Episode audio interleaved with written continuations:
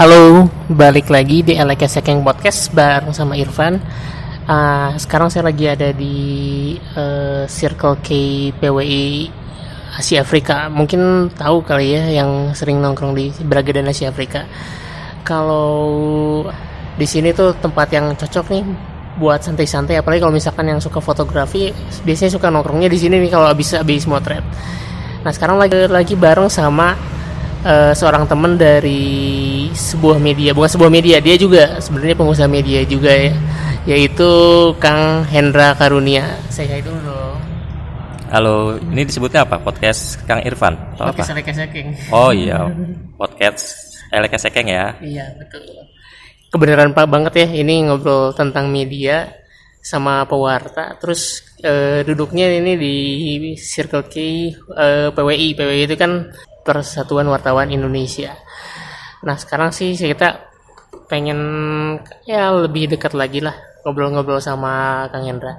Saya ini dulu kan pernah kerja di media juga di media pariwisata, tapi sekarang udah nggak aktif dan sayanya juga udah nggak kerja di situ. Tapi kalau Mang Hendra ya karena ya foundernya yang punyanya juga. Jadinya masih kerja lah di situ.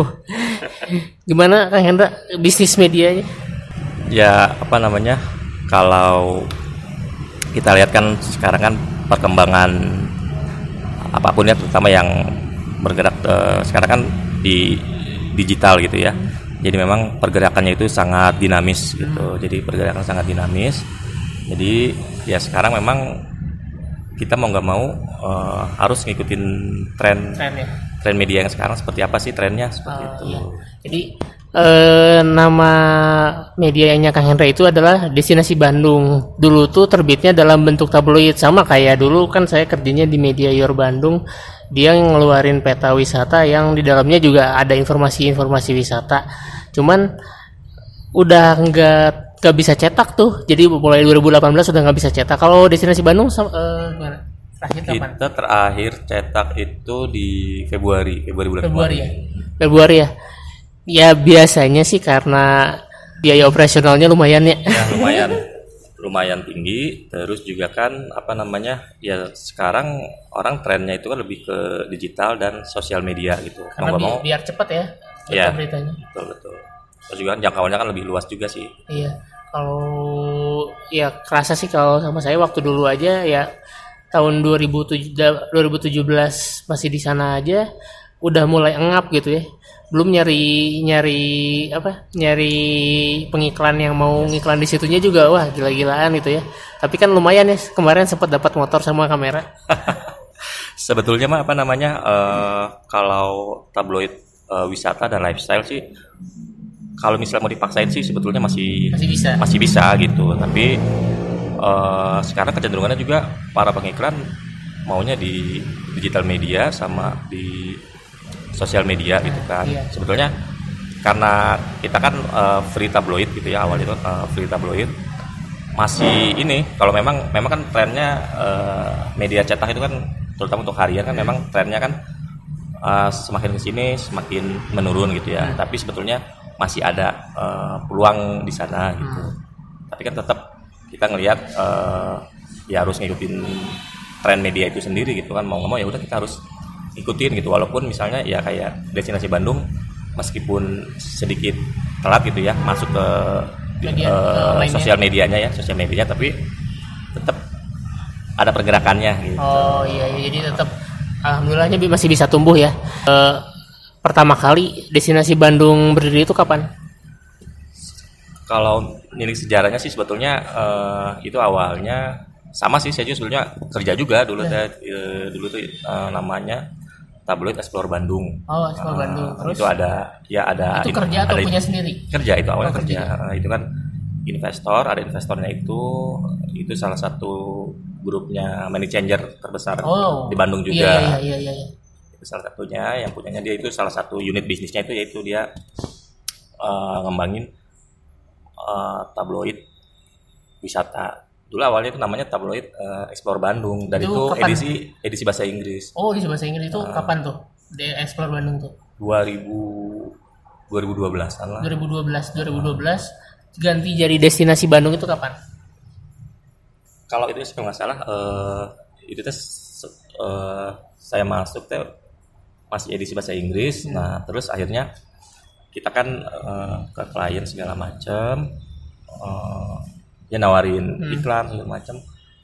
Dan memang untuk edisi bahasa Inggris di Bandung jualannya agak susah nih hmm, gitu. Iya, iya akhirnya iya. kita minta ke manajemen ya udah diganti aja jadi, jadi destinasi Bandung jadi apa eh, destinasi ya ya jadi destinasi Bandung terus juga sama edisinya edisi bahasa Indo bahasa Indonesia, Indonesia ya. awalnya kan ekspor Bandung hmm. namanya teh ekspor Bandung nah terus juga kan baru kita mau mulai uh, dari situ teh biar disamakan semua baru kita mau udah uh, bikin juga media onlinenya hmm. sama sosial medianya nah ternyata walaupun kita awalnya itu namanya tak explore Bandung tablet explore Bandung nah apa pas main di sosial media ternyata brand explore Bandung sudah ada iya, Instagramnya.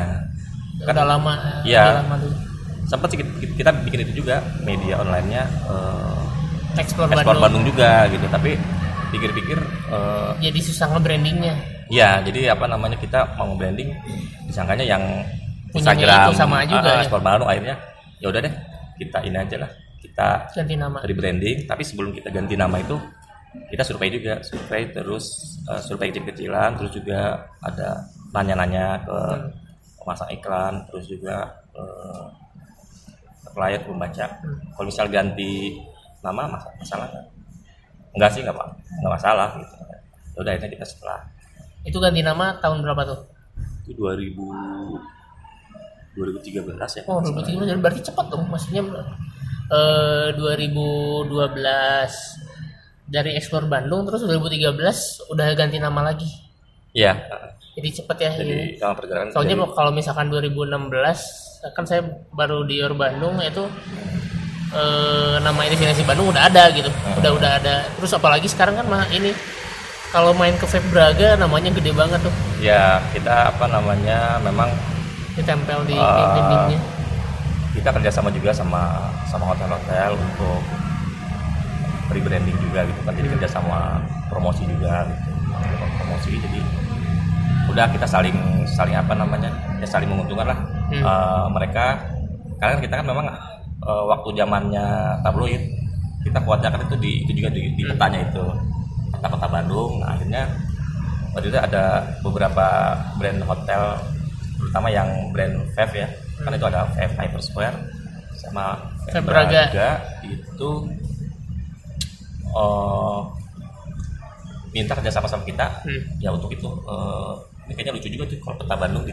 di dibesarin jadi hmm. apa namanya nanti kalau misalnya wisatawan yeah. atau pengunjung tamu datang ke sana jadi misalnya mau mau ke mana ya mau, mau ke mana-mana langsung lihat di situ di hotelnya ya. betul dan itu pun nih kota Bandung itu lumayan lengkap juga sih iya. karena itu ada ikon-ikon wisata belanjanya terus tempat oleh-oleh terus ya alamat-alamat lengkap lah lengkap ya. terus juga sih. emang eh, tempatnya ya strategi sih selain yeah. memang karena hotel. Apalagi kalau di Braga ya kalau di eh, di Braga kan si Vive Hotel itu bisa diakses tanpa kita harus masuk ke hotelnya kan? Maksudnya yeah, di luar dari luarnya juga nggak bisa ngeliat petanya gitu. Bisa sambil lihat ya jadi brandingnya dapat banget ya di situ. Betul tapi itu baru sama vape aja ya iya. Sampai sekarang masih ada ya itu masih masih ada branding. kepake sama mereka kan? Iya. Karena memang itu kan itu nggak ada kontrak uh, sampai durasinya nggak ada ya? Nggak ada, ada. Jadi sa kahayangnya mereka nawe iya betul betul. Biasanya kan selama ini mereka biasanya tuh itu per itu tuh apa namanya per momen biasanya. Waktu itu kan hmm. kan suka ada diganti. Nah tapi yang ini alhamdulillah sih gitu. Jadi terus masih ada. masih masih kepake terus gitu iya. si backdropnya gitu. Nah terus kalau kak Hendra ini dulunya emang backgroundnya jurnalistik dari awal? Kalau justru kalau dari awal sih saya justru di iklan dan promosi awalnya. oh iklan dan promosi iklan dan promosi. tapi tetap memang dari Masih awal berhubungan lah. media memang memang, memang media. dari awal media dulu tadi di, Republika dulu tadi dari oh di mana aja pernah kerjanya? Saya justru di Jakarta di dari 2003 ya. Hmm. 2003 itu di Republika sih. Paling lamanya di, di Republika Jakarta pusat. Jadi pusat gitu. Di pusatnya. Di Jakarta. Paling lama di situ ya? Uh, terus? tahun. dari situ baru ke Tribun Jabar. Tribun Jabar Nah, Tribun terus? Jabar karena apa namanya ngelihat background saya kerja di Jakarta akhirnya tertarik ya? dipindahin lagi. Oh, dipindahin eh, lagi. ke Persda Persda itu kan jadi saya pegang yang Jakarta Ah. Tribun Jakarta. Terus? Tapi sama sih tetap di dan promosi. Nah terus dari situ eh ke IMTV kalau dulu mah eh sekarang Iya, jadi iNews oh, jadi Nah, iNews, iya, iya. nah, iNews IMTV baru ke explore dari situ sempet ke ini dulu ke inilah. Inilah oh Koran. lumayan ya. Pengalamannya Iya. banyak pisan. radio aja sih yang belum. Oh radio iya. Karena memang beda ya. Kalau misalkan ke radio mah. Jadi eh, pengalaman Kang Hendra mah soal di dunia media mah udah kencang banget lah. Jadi kenalannya juga udah lumayan ya. Iya. Nah da- baru dari pas saya teh pas dari inilah koran baru mulai sama teman-teman nyoba apa namanya eh, mandiri lah gitu mandiri Iya, karena udah udah kuat lah kalau udah kayak gitu bikin mah. media sebelum ke Explore Bandung ya Hmm. bikin media eh, juara news gitu Oh. sama sama teman-teman gitu kan Tapi nggak lanjut. mau nyobain lah gitu kan mau nyobain ya ternyata memang eh, karena belum belum ada pengalaman gitu Hmm. ya akhirnya ya udah eh, ada teman justru udah ini aja nih ikut Ikut bareng aja gitu. bareng aja ini ngebangun apa namanya ngebantuin ini lah explore Bandung Juara newsnya sekarang nggak nggak lanjut lagi berarti. enggak enggak lanjut lagi Sekarang sama yang sekarang aja.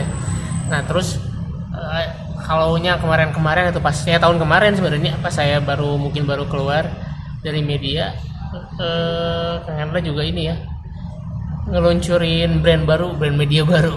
Oh, namanya bagikan berita.id. Iya iya baik.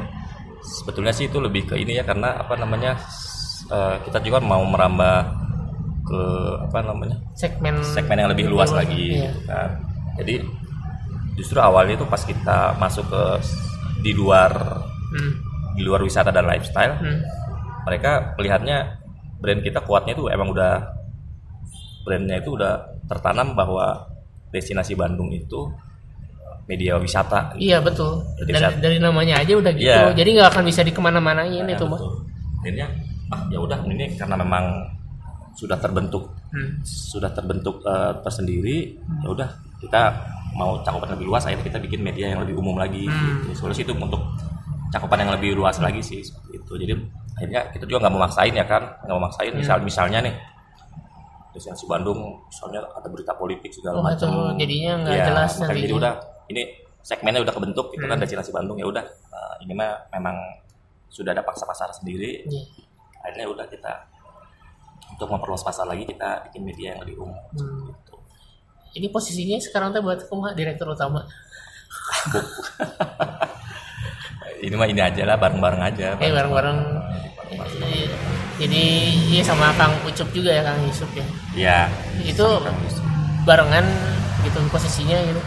Ya barengan Barengan. Eh, Termasuk dari ekspor Bandungnya juga atau baru pas destinasi? dari- Oh dari ekspor Bandung. dari Explore Bandung gitu kan nah Bareng-bareng. ya kan di Explore Bandung itu kan karena itu kan investor ya mereka tuh pebisnis gitu kan jadi Iya. kalau pebisnis itu apa namanya eh, melihat peluang ah ini kayaknya tren mereka pikirnya ah tren media cetak turun terus gitu udah nih Ganti. mau dilanjutin nggak Iya. gitu akhirnya ya udah kita sama kita kita Iya, di- di kita take over ya. Ah, Jadi kita lanjutin eh, ownernya bareng-bareng gitu sama Kang Yusuf.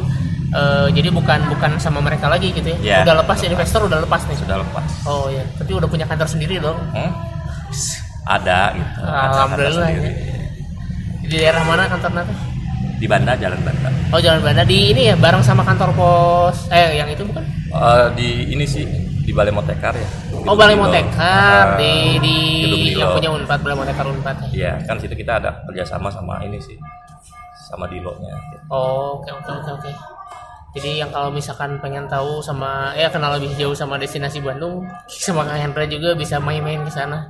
boleh terus juga apa namanya ya kalau misalnya ini cari-cari referensi eh, tempat wisata kulineran segala macam gitu bisa Bisa mampir ke sana ya. ya bisa mampir ke sana nah terus juga kan kemarin kan ya alhamdulillah sih kita eh, IG-nya ya walaupun pertumbuhannya nggak terlalu signifikan Iya. tapi tetap ada aja gitu kan lumayan lah gitu naiknya walaupun tidak secepat karena kita mah ya udah padanya aja gitu Hmm. kan si IG-nya teh Instagramnya tapi mulai dari situ Instagramnya mulai banyak yang nanya-nanya juga gitu kan misalkan kita teh kayak travel agent. baru, ah, iya, iya, jadi iya. banyak yang nge-DM eh, bisa nggak? Misalnya kita dari, dari luar kota Hmm.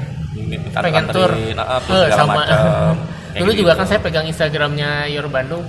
Banyak yang nyangka Your Bandung teh eh tour agency juga Ya, gitu. betul, jadinya betul. sekalian ini kalau misalkan ke Bandung bisa diaturin nggak ini? Sekalian.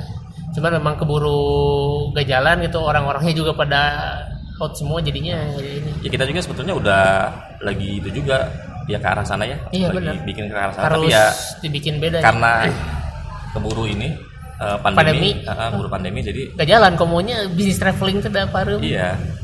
Nah, paling sekarang kalau bis apa namanya yang buat jalan-jalan gitu sekarang trennya kan kalau virtual tour. virtual tour. Walaupun tetap ada ini ya ada yang kurang kurang lah. Kurang ya? udah kurang itu kayak nonton YouTube aja orang lagi ngevlog kan. Iya beda jadi memang harus ada inovasi lagi misalnya. Inovasi lagi ya eh, selain virtual tour apalagi gitu kan harus tapi ada kan tempat wisata sebenarnya sekarang udah mulai buka lagi mulai kan bangkit ya. lagi. Udah mulai bangkit lagi kan jadi udah udah udah beda lah gitu ya. Hotel juga kan semenjak PSBB juga udah mulai ya semakin hari makin meningkat juga iya. Soalnya saya juga ngaruh sih soalnya tentang wisata sama traveling itu kan karena kebetulan saya kan kerjanya sekarang di perusahaan yang eh, produksi alat-alat ya yang ya, yang jual alat-alat perlengkapan traveling. Mm-mm. jadi ketika travelingnya nggak jalan ya ininya juga otomatis jadinya terkena imbasnya juga terkena gitu. imbasnya juga. Orang kita mengkomunikasikan produk kita sebagai produk traveling itu ya nggak jalan gitu. Harus Iya sih, harus betul. ya Memang- diubah lagi komu- cara ya, dengan, dengan, komunikasinya dengan, dengan adanya covid ini kita memang di disuruh untuk berpikir berinovasi jadi Nah. harus harus cepat gitu kan nangkap peluang gitu kan Iya. karena kalau kita ikutin nggak ngikutin tren yang kekinian itu berat juga Berat, gitu ya. kan. apalagi kan sektor pariwisata dan perhotelan kan kemarin kena banget yang paling paling kena imbasnya kan. itu benar-benar libur paling- kan Mm, libur, libur bisa nggak maksudnya nggak bisa kan kalau kayak ya kecuali mungkin mereka ngakalinnya dengan cara jualan makanan online baru nih Mm, mm. sebelum sampai sampai nunggu hotelnya buka yang lain-lain juga gitu hotel-hotelnya Iya. kan ngeliat kan saya juga eh, banyak teman-teman yang kerja di hotel juga gitu yang rekan-rekan dulu pada update-nya ya gitu jual Iya. jual cara salah, salah salah satu cara buat ngakalin bisnisnya tetap jalan yaitu jual makanan online. Yang penting masal nggak ini aja nggak tutup tuh gitu Iya. kan. Karena sekarang juga kan di apa namanya di adaptasi kebiasaan Hmm. baru juga kan protokol kesehatan di hotel juga sekarang masih ngikutin berubah. Misalnya gini kayak eh, di hotel itu sekarang minimal harus cuma 50% doang kan. Oh okupansinya ya? Iya harus gitu. Tetap sama jadi sama kayak sama jadi tetap tetap juga. tetap Jadi tetap berkurang nggak juga boleh aja. full ya, nggak bisa 100% Nggak bisa gitu. full. Nah terus dari segi eh, bis, bisnis media gimana nih selama 4 bulan? kan ibaratnya eh, Kang Hendra ya apa penghasilannya dari sini kan dari sini Iya iya betul. Ya tetap sih memang eh, masih ada yang terkena imbasnya juga. imbasnya juga. Ya, tapi kan akhirnya sekarang eh, apa namanya kita mulai nih kan kayak, kayak destinasi Bandung Hmm. di Instagramnya itu kan kita ada ada yang khusus traveling. Hmm. Nah akhirnya kita kebetulan juga ada yang kulinernya juga destinasi kuliner Bandung namanya. Nah dari situ akhirnya kita nangkap peluang juga pas kita foto-foto itu mereka banyak yang ini juga Suka juga. suka terus nge DM minta dibuatin ya foto produk lah itu jadi itu lumayan lah ada penghasilan tambahan foto produk Hmm. terus juga ya sekarang kalau untuk yang websitenya ya trennya sekarang ngandelin dari Google AdSense Hmm. untuk iklannya gitu karena kalau yang iklan konvensional kemarin kita hotel ya udah emang sama sekali habis gitu kan Hmm. nggak ada pemasukan sama sekali dari hotel kuliner nggak mau jadi sekarang membanginnya yang ke arah sana sih jadi lebih ke iklan-iklan Iya. Tapi iklan masih ada yang pasang. ada berapa tapi maksudnya tidak sebelum covid lah tidak semua sebelum Tidak covid tidak kayak dulu ya. Heeh. tapi selain ini selain bisnis yang ter terdampak tapi sepertinya perut juga mulai terdampak juga ya, ya. ini akibat WFH ini. Padahal penghasilan kurang tapi tetap bisa kenyang ya alhamdulillah. Alhamdulillah. Ini tuh uh, Kang Hendra dulu terkenal juga ya terkenal. terkenal juga karena bisa menurunkan 30 kilo dalam waktu berapa bulan? Tiga bulanan lah. Tiga bulan karena dulu tuh badannya gede banget gitu, badannya gede banget hampir berapa kilo? Dulu teh bisa sampai 93. 93 kilo. 93 Terus pas kilo. sempat turun jadi berapa? Bisa waktu itu sampai di 70-an atau nggak salah. 70-an ya. Jadi 70-an itu eh, bisa turun teh gara-gara nggak makan nasi. Ya ngurangin karbo. Kurangin karbo, ya. dan gula. Itu memang Ya. pengaruh pisan sih. pengaruhnya ya jadi karena meren ya kealaman sama saya juga saya juga naik 10 kilo di pas dulu pas dulu di media ya karena kan eh, diundang diundang apa kayak press conference ada Iya. makannya lah pastilah Review, terutama Re- selesai. review hotel review cafe pasti makan makan juga hese Ya benar benar. tapi Aimo Henry bisa bisa bisa eh, bisa nahan diri jadi kalau misalkan beberapa bulan ya terakhir waktu masih kerja bareng gitu ketemu bareng di hotel-hotel tuh nasinya nggak diambil tapi dagingnya rasa mentung gitu banyakin banyakin ke protein ya protein hewan Protein, gitu ya, protein diganti hewan. jadi si karbona sama protein gitu ya protein daging ya dari Iya, daging. energinya dari sana. Nah, itu itu trik salah satu trik juga barangkali yang mau menurunkan berat badan setelah WFH. Iya, intinya mah memang harus disiplin sih. Iya. Disiplin, terus juga komitmen. ya, Ya sama itu. Intinya mah eh, kurangin karbohidrat sama gula sih. Nah, itu iya. lumayan cepat. ngaruh banget soalnya. Nah, terus eh, buat eh, soal soal bisnis media sendiri sih dia. Itu kalau buat sekarang itu kayak gimana ya? Maksudnya eh, iklan digital memang masih kenceng kenceng masih tetap harus berda, tetap bergantung sama iklan digital atau sebenarnya harus nyari peluang lumbung-lumbung uang lain gitu. Ya memang harus kita harus pinter-pinter ini ya, pinter-pinter nyari peluang, Hmm. terus juga eh, berkreasi seperti apa gitu. Jadi eh, misalnya kalau kayak ini nih destinasi Bandung kan, nah sekarang arahnya sekarang udah main, mainnya kan udah kayak ke salah satunya nanti buat fotografi gitu nanti kita Hmm. mulai arahnya mulai ke sana terus juga nanti kalau misalnya memang sudah mulai normal lagi itu yang travel mau kita jalanin lagi Hmm. terus juga kan ya iklan-iklan eh, seiring dengan ini kan kita nih ya walaupun tidak sebesar Hmm. eh, apa namanya untuk eh, sosial media tidak sebesar yang eh, yang yang ada itu tapi karena naik dan mulai ada yang iklan gitu ya Hmm. wala- walaupun memang memang sih eh, apa namanya kita ini banget lumayan lumayan kaget ya Hmm. dulu kita biasa main di media cetak itu nilai iklannya itu kan puluhan juta. ya fantastis terus main di sosial media waduh segini kaget Receh. juga gitu kan ya receh banget gitu kan kaget juga tapi Receh receh tapi bisa banyak gitu kan. ya gitu tapi memang jadi memang beda kulturnya gitu Iya ya beda pasti. beda kulturnya kan eh, zamannya kita main di media cetak Kalau media cetak udah ada slotnya media. kan. Mm-mm, Misalkan eh, destinasi Bandung terbit berapa bulan sekali? sebulan sekali Ah, terbit sebulan sekali. Pasti kan dari sebulan itu teh eh, slot iklan yang dimasuk tuh bisa terbatas gitu. Kalau misalkan lagi full ya udah Hmm. full nggak bisa bisa lagi nerima gitu kan. iya iya Jadi eh, si eh, penghasilannya terbatas. Tapi ketika misalkan udah ke digital ya si slotnya kan nggak terbatas. Bisa bisa bisa masuk ke mana aja terus. Iya. yang lebih banyak lah slot slotnya lebih fleksibel. ya memang kemarin kan kayak mis- misalnya bisa dibuat apa merchandise kita kita bikin Hmm. merchandise kayak gitu-gitu jadi ya lebih ke arah sana selain yang main di iklan digital juga Hmm. Lumayan lah ya jadinya.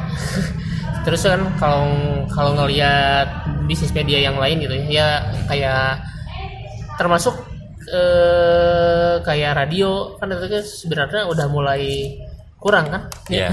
udah mulai kurang. Ya majalah majalah otomatis semuanya cetak digital pun sebenarnya kalau misalkan saya ngelihat yang dari apa ya dari info info BDG yang kayak gitu maksudnya udah udah beda dibanding dulu. Ya, jumlah-jumlah iklannya tetap tetap berkurang karena sekarang orang tuh udah bisa pakai yang sponsor dari Instagram langsung. Jadinya orang eh, mereka udah udah udah udah bisa ngiklan sendiri sebenarnya gara-gara punya sosial media gitu kan. Ya cuman sebenarnya kan ya yang kata di kata di kata Mang Hendra jadi harus bisa uh, lebih inovatif dan kreatif lagi. Yeah. Jadi kayak ada fotografinya jadinya nyediain pembuatan kontennya. Iya. Jadi kalau jadinya pilihan bisnisnya lebih banyak. Iya, beragam dan ya sekarang peluang sekecil apa pun harus cepat kita yeah. tangkap gitu kan. Bagikan berita gimana nih kabarnya? Udah lumayan? Udah, itu juga sekarang itu sudah mulai di monetize gitu. Oh, udah dimonetize. Uh, si memang, apanya Instagramnya atau si sih, web, webnya, web, oh. websitenya, websitenya karena memang kan kalau di media online mah yang penting konsisten, komitmen, isi konten aja hmm. terus itu cepat ke wajahnya sama Google. Hmm. Nah, jadi kita sekarang arahnya ke sana. Nah, nanti ya sudah itu kita mulai nanti sebetulnya sih bagian itu memang di di plotnya itu buat nanti masuk ke pemerintahan gitu, pemerintahan. Jadi BUMN jadi yang lebih yang lebih apa namanya uh, non swastanya lah gitu. Jadi masuknya buat lebih ke sana ya? Uh, nah kalau misalkan Rizky karyawannya sendiri kumaha? Soalnya kalau kemarin aja saya ngundang Kang Hendra buat gathering tetap Kang biasanya Kang Hendra oke okay, nu datang nak gitu. Uh jadi sekarang karyawannya masih berduaan aja ini atau gimana? Kalau karyawan sih kita ada dua dua orang lagi, gitu. oh. ada dua orang lagi. Tapi selama ini sih memang kita justru yang ke lapangannya uh, ada selain kita tuh ada ada dua orang lagi. Hmm. Terus juga, nah selama ini kita akhirnya kita mem memanfaatkan ini uh, masih masih magang gitu. Oh. Nah ini kan karena memang sekarang ya karena pandemi ini sebelumnya kita udah ada kerjasama itu justru kayak dari mahasiswa dari Padang gitu hmm. dari isi Padang itu udah rutin ke kita terus juga dari Unikom hmm. juga itu magang kita jadi nanti bisa di suite lumayan itu sih hmm. apa namanya yang lumayan buat uh, ngebantu sekalian mereka belajar juga iya betul betul makanya saya juga bingung itu jauh-jauh amat dari Padang mau magangnya iya, kemarin Bandung, kemarin gitu. kayak ini nu udah nu daftar ke magang ke destinasi Bandung pasti jarak rawa gitu. Uh, alhamdulillah maksudnya itu direkomendasiin lah gitu hmm. karena kan memang kan sekarang uh, apa trennya kan sekarang mah uh, tren perusahaan-perusahaan sekarang kan udah virtual kayak gitu, -gitu jadi iya. sebetulnya yang penting mah isi konten aja isi konten kontennya dibanyakin gitu itu kan bisa dari mana aja maksudnya bisa dari yang magang segala macam gitu. Jadi, sekarang juga kan banyak juga kan sekarang kantor-kantor juga kantor-kantor apa namanya uh, working space gitu. Iya. Terus itu bisa jadi nggak harus yang harus perusahaan punya kantor besar segala iya, benar benar. Sekarang, sekarang mah kantor di rumah masing-masing iya, juga bisa gitu. Iya, iya. Ya paling janjian ketemunya ya bisa di mana di kafe atau apa gitu. Jadi sekarang mah lebih inilah. Lebih fleksibel. Sebenarnya bisa bisa ngakalin ngakalin uh, apa ya ngakalin ke kondisi lah. Hmm. Makin sebenarnya uh, apa si bisnis dikasih kondisi semacam ini tuh kadang ya jadi semakin pinter juga ngakalin ya kan. Ya, karena karena ya namanya orang manusia tuh punya punya insting buat bertahan deh hmm. jadi ketika misalkan ada ini aja kayak uh, ketika mulai pandemi baru juga seminggu pandemi orang-orang udah sigap teh jualan masker jualan yeah. sanitizer segala macam itu kan salah satu contoh mereka tuh nangkap peluang. nangkap peluang gitu. Dan siap gitu yang yang yang yang bertahan lah yang siap sih. Iya betul siap terus harus ya harus siap berubah lah gitu iya. jadi apa namanya sekarang uh, idealisme sedikit dikesampingkan hmm. idealisme maksudnya di idealisme itu gimana idealisme apa namanya teh uh, kan sekarang misalnya begini kita uh, misalnya mau bertahan nih hmm. misalnya mau bertahan nah udah kan saya mah dari sisi produk atau segala macam oh, ya gitu okay, kan okay. saya mah emang udah saya mah fokusnya di di produk ini hmm sementara orang uh, udah ke produk yang lain gitu kan hmm. kalau misal kita nggak ngikutin tetap kita mau kekeh dengan tingkat kepercayaan diri produk saya pasti laku gitu hmm. tapi kita nggak ngelihat tren perubahan pasar itu seperti apa gitu hmm. jadi maksudnya sisi kita harus tetap ikutin gitu. Hmm, harus, jadi harus jangan gengsi lah gitu jangan gengsi jadi iya, iya. Ya udah kita harus tetap ya nggak apa-apa uh, maksudnya si produk kita produk utama tetap tetap Ada. ada. tapi kita tetap harus ada dari yang lain. Ya ada apa namanya, pengembangan, produk Pengembangan. lagi yang baru gitu jadi jadi harus ikutin. jadi sebenarnya ya kayak eh, si media itu sebenarnya nggak harus eh, mengesampingkan idealisme idealismenya Hmm. sebagai ini ya sebagai sebetulnya sebagai eh, fungsi jurnalistiknya tetap ada. Iya. Ya soalnya kan ya kebanyakan beberapa beberapa portal berita online yang udah gede kan rata-rata eh, mereka ya ya- yang terkenalnya sekarang adalah banyak berita-berita clickbait yang Clickbait, terlalu terlalu ya kadang-kadang menyesatkan lah gitu ya. Memprovokasi juga gitu kan. Jadinya kan itu beda antara judul dan isi ya. Beda-beda itu masalahnya jadinya nanti ya jadi kesan masyarakatnya udah beda kan sama media sekarang. Hmm. ya gara-gara itu. Tapi kan di samping memang apa eh, dari dari dari berita-berita itu bisa menghasilkan iklan gitu kan. Tapi sebetulnya di samping itu kan ada cara lain gitu ya buat menghasilin duit. Jadi idealisme tetap ada tapi pengembangan bisnisnya dia ke arah Iya, lain. ya kan sekarang kan apa namanya kayak Hmm. banyak apa namanya eh, aplikasi-aplikasi digital gitu kan kayak main ke YouTube Hmm. terus juga ke Facebook Twitter. Jadi sekarang ya arahnya ke sana gitu sekarang aja kan eh, youtuber jadi artis. Sekarang justru artis malah jadi youtuber gitu kan. Balik lagi mereka juga harus survive-nya. Kebalikan kayak gitu ya. Ya iyalah memang kita harus harus ngikutin tren gitu kan ngikutin tren. Eh, ya tetap yang fungsi utamanya tetap dijalankan. Fungsinya tetap tetap ada ya jadi jangan ke mana-mana aja. Apalagi ya kan media mah garda depannya sih kayak yang apa kalau misalkan dia di saat pandemi kayak gini kan penting banget gitu. Hmm, penting banget buat menyampaikan pesan-pesan kayak gini. Iya betul. Tapi udah jalan juga ya Instagramnya bagikan berita. Udah udah. Tentang covid Udah kayak jalan. gitu pasti mengedukasi juga kan. Iya iya betul betul. Jadi kan itu ya itu kan banyak kemarin kan kesannya kalau misalkan media itu melebih-lebihkan berita. Hmm, jadi kayak apa namanya seakan jadi kayak nakut nakutin Iya. gitu ya beritanya jadi beritanya berita yang misalnya gini beritanya yang meninggal yang meninggal yang kasus positifnya Hmm. gitu kan justru yang sembuhnya yang berita positifnya Iya. kurang diangkat Nah, tapi dah itu kan memang dari realita gitu Iya, kan iya. Ya, kita kalau media kan memang harus memberitakan memberitakan yang ada kecuali Iya. misalkan mem- eh, memang benar-benar cuma memberitakan yang eh, meninggalnya aja udah nggak nggak tapi kan sebenarnya yang sembuh juga tetap ada ada, aja tetap gitu kan. Diberitakan juga. Cuman memang kadang apa ya berita buruk tuh just memang lebih gampang dicerna penerimanya. Terus juga kalau misalkan saya menilai sebenarnya kontrol media, ya media mah bakal seperti itu terus ya bakal Iya. seperti itu terus.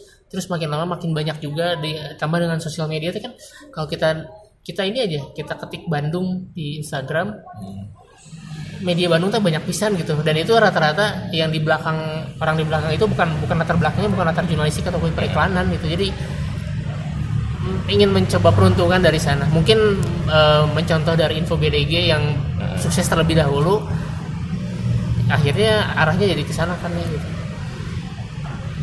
Cum- cuman ya balik lagi itu teh sebenarnya eh, dengan banyaknya media seperti sekarang ya kontrolnya tuh di kita gitu. Kontrolnya Iya, tuh saya. kalau itu jadi akhirnya jadi seleksi alam sendiri. Jadi seleksi alam sendiri. Kalau misalkan ini aja saya awal-awal memang ya agak-agak agak, agak bikin parno gitu berita-berita itu cuman makin lama eh, lebih ya media kalau misalkan kita kita ya kita ngerti cara tabayunnya ya nggak akan menakutkan gitu. Iya, kan jadi akhirnya nanti ya si pembaca sendiri kan, si pembaca, Iya. pembaca sendiri akhirnya yang yang nentuin gitu kan. Iya, dan- Karena kan kalaupun misalnya itu nanti akan terseleksi dengan sendirinya. Hmm. Mis- Misalnya kalau misalnya sekarang kan misalnya media online gitu kan, kalau misalnya view-nya kurang juga kan otomatis kalau mi- misalnya mereka Hmm. dari sisi bisnis dari iklannya kalau misalnya view-nya juga kurang itu kan pasti dari sisi bisnis juga pasti akan akan berkurang juga gitu jadi memang ya tetap sih tetap itu mah pilihan pembaca Hmm, ya itu kan balik lagi ke pembacanya. Kayaknya sih ya sekarang-sekarang sebetulnya udah mulai teredukasi lah gitu ya. Hmm. Ya mungkin awal-awal apa ya bisa bisa dibilang kaget ya. kaget Iya, betul. kaget karena dulu biasanya dapat berita eh, harus harus lewat baca koran aja Hmm. baca nonton TV aja sekarang tuh buka WA aja ada gitu kan eh, di forward dari grup. Iya. Terus yang lain-lain juga ada. Sekarang mungkin masih tahap apa tahap masanya edukasi tapi nanti eh, mungkin ya tiga atau lima tahun ke depan bisa dibilang bahwa orang bakal lebih cerdas kali ya. Ya jadi udah tinggal bisa memilih memilih dan memilah gitu kan. Iya. mana yang eh, hoax atau mana yang Iya. berita. Karena kultur shock aja kultur shocknya jadi kaget aja sih karena karena ini sesuatu yang baru yang sebelumnya belum pernah ada. Mungkin kalau anak-anak milenial sama ya yang mungkin generasi muda eh, udah udah bisa langsung nyetel kali ya tapi mungkin yang kadang-kadang generasi yang di atasnya lagi agak-agak ya harus belajar lah itu mah ya betul. dibantu.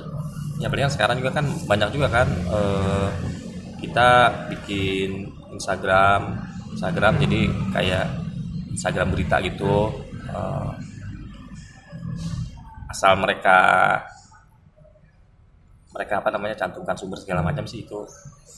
Nggak apa-apa justru ngebantu juga kan ngebantu juga. Karena memang sekarang trennya kan anak-anak sekarang ah udah cukup lihat dari dari Instagram segala macam. Dari Nah, Instagram aja ya, akhirnya ya itu pendek gitu ya si Instagram berita ya. Ya sekarang tapi kan untungnya trennya itu justru yang media-media konvensional itu sekarang juga kan akhirnya ke arah ke arah sana juga gitu Hmm. bikin eh, sosial medianya juga. Jadi sebetulnya akhirnya nanti ya pembaca sendiri yang bisa tentuin ya udah tapi mending sumbernya kan jelas gitu kan Hmm. sumbernya jelas mah udah. Udah bakal terus dipercaya. Iya. Nah, terakhir nih, buat ke depannya rencana Kang Hendra buat mengembangin bisnis ini apa nih?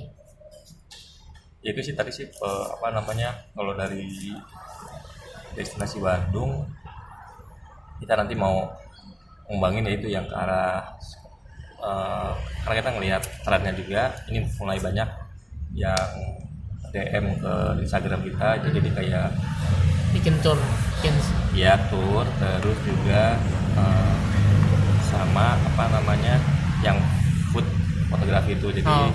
mereka lumayan ya maksudnya walaupun kita belum profesional profesional banget tapi Hmm. mereka segitu mah udah udah cukup puas gitu dengan Iya. hasil foto kita gitu kan karena mereka kan eh, banyak UKM UKM karena Hmm. kalau misalnya ke fotografer profesional kan harganya juga kan ya lumayan tinggi. lumayan tinggi jadi kita ngebantu kelebihan siapa Eh, mereka kita eh, foto produk tapi nanti si produk itu direview juga di websitenya Hmm. destinasi Bandung gitu jadi sebetulnya ada eh, ada dua kelebihan lah gitu kan jadi selain mereka dapat foto produk tapi produk mereka juga direview juga gitu Nah, sama kita iya. Jadi kelebihannya itu ya.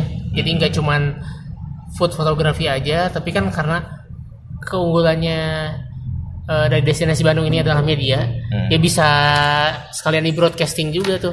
Ya si ini. Nah, jadi dapat di, di Instagram juga dapat foto produknya dapat sama di review di di websitenya juga. Nah, Oke, kalau dibagikan berita.id, kalau bagian berita.id itu sih nanti kita pengembangannya memang tetap nanti eh, itu memang buat ke perusahaan-perusahaan gitu. Hmm. perusahaan-perusahaan eh, untuk lebih ke itu kan lebih ke kayak advertorial kayak gitu gitu Oke deh, kalau gitu. Nuhunnya atas waktunya udah jauh-jauh dari Cibiru nih ke tengah kota. Untung, untungnya lagi libur juga ya. Iya apa disebutnya kalau LKSekeng apa kalau disebut Ah, pendengar we naon. pendengar ya pendengar LKSekeng Pendengar LKS yang podcast. broadcast Ya, sukses sama. juga buat Kang Ivan ya Ya, ini juga ya, ini mah eh, sebagai hobi aja. Terus juga biar biar saya bisa terus ketemu orang, Ah. networkingnya jalan tetap jalan, Silaturahmi ya. silaturahmi juga. Jadi kan udah belum ada di podcast mah belum ada monetize atau. Jadi ini mah benar-benar Iya, iya. Hobi yang tersalurkan hobi gitu yang ya. tersalurkan. Kan udah lama nggak jarang liputan, jarang ketemu orang juga. Jadinya disalurinnya di sini. Oke deh. Eh, sampai jumpa di eh, podcast Arekas yang berikutnya. Bye bye.